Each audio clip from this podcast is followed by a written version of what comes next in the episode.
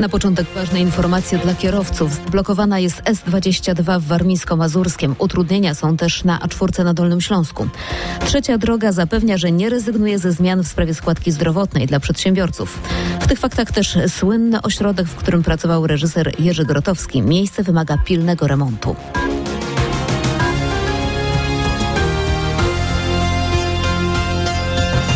Jedna osoba została ranna w wypadku na S22 w Kamienniku Wielkim w Warmińsko-Mazurskiem. Na odcinku Elbląg-Grzechotki auto osobowe zderzyło się z ciężarówką. Droga jest zablokowana. Utrudnienia też na dolnośląskiej A4 między węzłami Brzezimierz i Brzeg. Zderzyły się bus z autem osobowym. Zablokowany został jeden pas jezdni w kierunku Wrocławia. W ciągu najbliższych tygodni zostać ma zaprezentowana ustawa dotycząca zmiany zasady poboru składki zdrowotnej dla przedsiębiorców. Szymon Hołownia i Władysław Kosiniak-Kamysz podczas konwencji samorządowej trzeciej drogi w Otrębusach pod Warszawą oświadczyli, że to dla nich być albo nie być trzeciej drogi w rządowej koalicji. To jest priorytet we wsparciu dla przedsiębiorców i to nie jest tylko nasze zdanie, choć dla nas jest to bardzo ważne, bo my od początku mówiliśmy to i mieliśmy w naszym programie, ale wiem, że to też w programie Platformy Obywatelskiej był bardzo ważny punkt. To nas też połączyło w ramach koalicji 15 października, koalicji formacji demokratycznych, e, więc e, to jest tylko podkreślenie wagi tego punktu i zrobimy wszystko, żeby jak najszybciej on był zrealizowany. Przekazał prezes PSL Władysław Kośniak-Kamysz. Liderzy Polskie 2050 zapowiedzieli także działania na rzecz czystego powietrza, rozwoju odnawialnych źródeł energii i gospodarności w samorządach. Fakty z Dolnego Śląska. Ośrodek w Brzezińce, miejsce, w którym dochodziło do najważniejszych odkryć w historii teatru XX wieku, upada. Miejsce założył Jerzy Grotowski, jeden z najsłynniejszych reżyserów teatralnych. Z jego pracy czerpią twórcy z całego świata. Dziś zajmuje to miejsce Instytut jego imienia. Doszliśmy do takiego punktu w historii Brzezinki, w którym bardzo ciężko jest tam przebywać, gdyż budynek wymaga remontu. Taką pierwszą potrzebą jest y, wymiana podłogi w głównej sali treningowej, gdyż ta, która jest teraz, nie wiem ile ona ma lat, ile dziesiąt, robią się już takie zapadnięcia, które są sklejone srebrną taśmą. Jest to coraz mniej pożyteczne po prostu dla pracy, bo zamiast skupić się na tym, co istotne, to trzeba cały czas myśleć, czy tu się gdzieś nie potknę, nie zranię stopy, czy, albo czy w ogóle nie zrobi się po prostu dziura do ziemi. Mówiła Joanna Kurzyńska ze studia Voice in Progress współpracującym z Instytutem. Osoby związane z ośrodkiem rozpoczęły zbiórkę funduszy w sieci. O sprawie piszemy na rmf24.pl w zakładce Regiony. To było wielkie otwarcie z licznym udziałem mieszkańców. Mowa o Placu Wolności w Łodzi. Świętować można było między innymi zwiedzając za darmo muzea zlokalizowane przy placu. Ustawiały się długie kolejki. Macie Pani w planach jeszcze inne muzea tutaj na Placu Wolności, żeby zobaczyć, bo jest Muzeum Farmacji, Archeologiczne, Archiwum. Nie wiem, jeszcze pewnie o jakimś zapomniałam. Tutaj podobno jeszcze można do tego y, Black World wejść. Przekonać się, jak wygląda świat osób niewidomych. Tak, tak, y, dokładnie.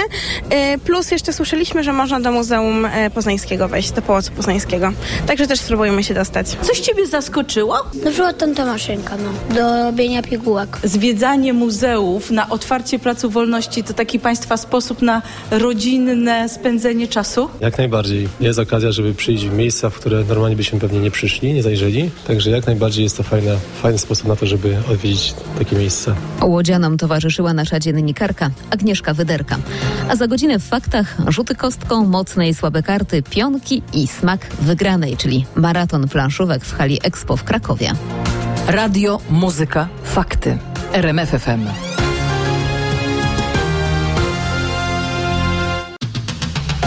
I fakty sportowe. Wojciech Marczyk.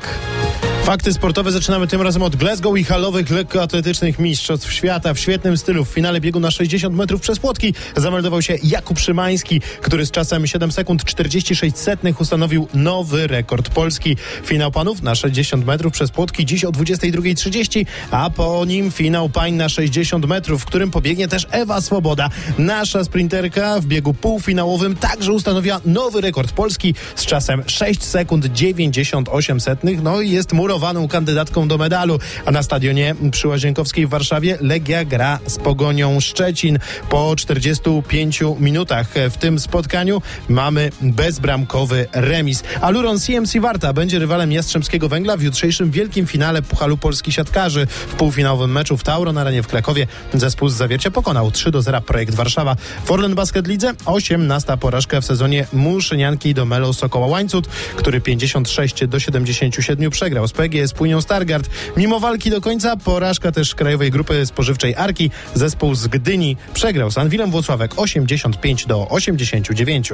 Anwil przyjechał w troszeczkę osłabionym e, składzie, ale wydaje mi się, że, że pokazaliśmy tutaj u siebie w domu, że jesteśmy naprawdę mocni. E, Wielkie gratulacje dla drużyny z Włocławka. Tak naprawdę w końcówce, gdy ten mecz był e, cały czas na remisie, to oni byli skuteczniejsi. Mówił po meczu gracz Arki Andrzej Pluta. Mistrz Polski wygrał zaś w Lublinie. King pokonał start 98 do 93. W trwającym meczu w Toruniu Arriva Polski Cukier przegrywa 66 do 77 z Legią Warszawa. Trwa końcówka już e, tego spotkania, bo ósma minuta m, czwartej e, kwarty. Norwegowie okazali się dziś najlepsi w konkursie drużynowym Pucharu Świata w skokach narciarskich w Lachti. Polacy pokazali się z dobrej strony, bo po dobrych skokach Kamila Stocha i Aleksandra Zniszczoła zajęli ostatecznie czwarte miejsce. Jestem z obu zadowolony, z tej ostatniej szczególnie, bo, bo w końcu ten HS pękł i, ym, i to był dobry skok, więc z takim czuciem idę jutro. Mówił na antenie Eurosportu Aleksander Zniszczą, a jutro w Lachti kwalifikacje, a po nich konkurs indywidualny.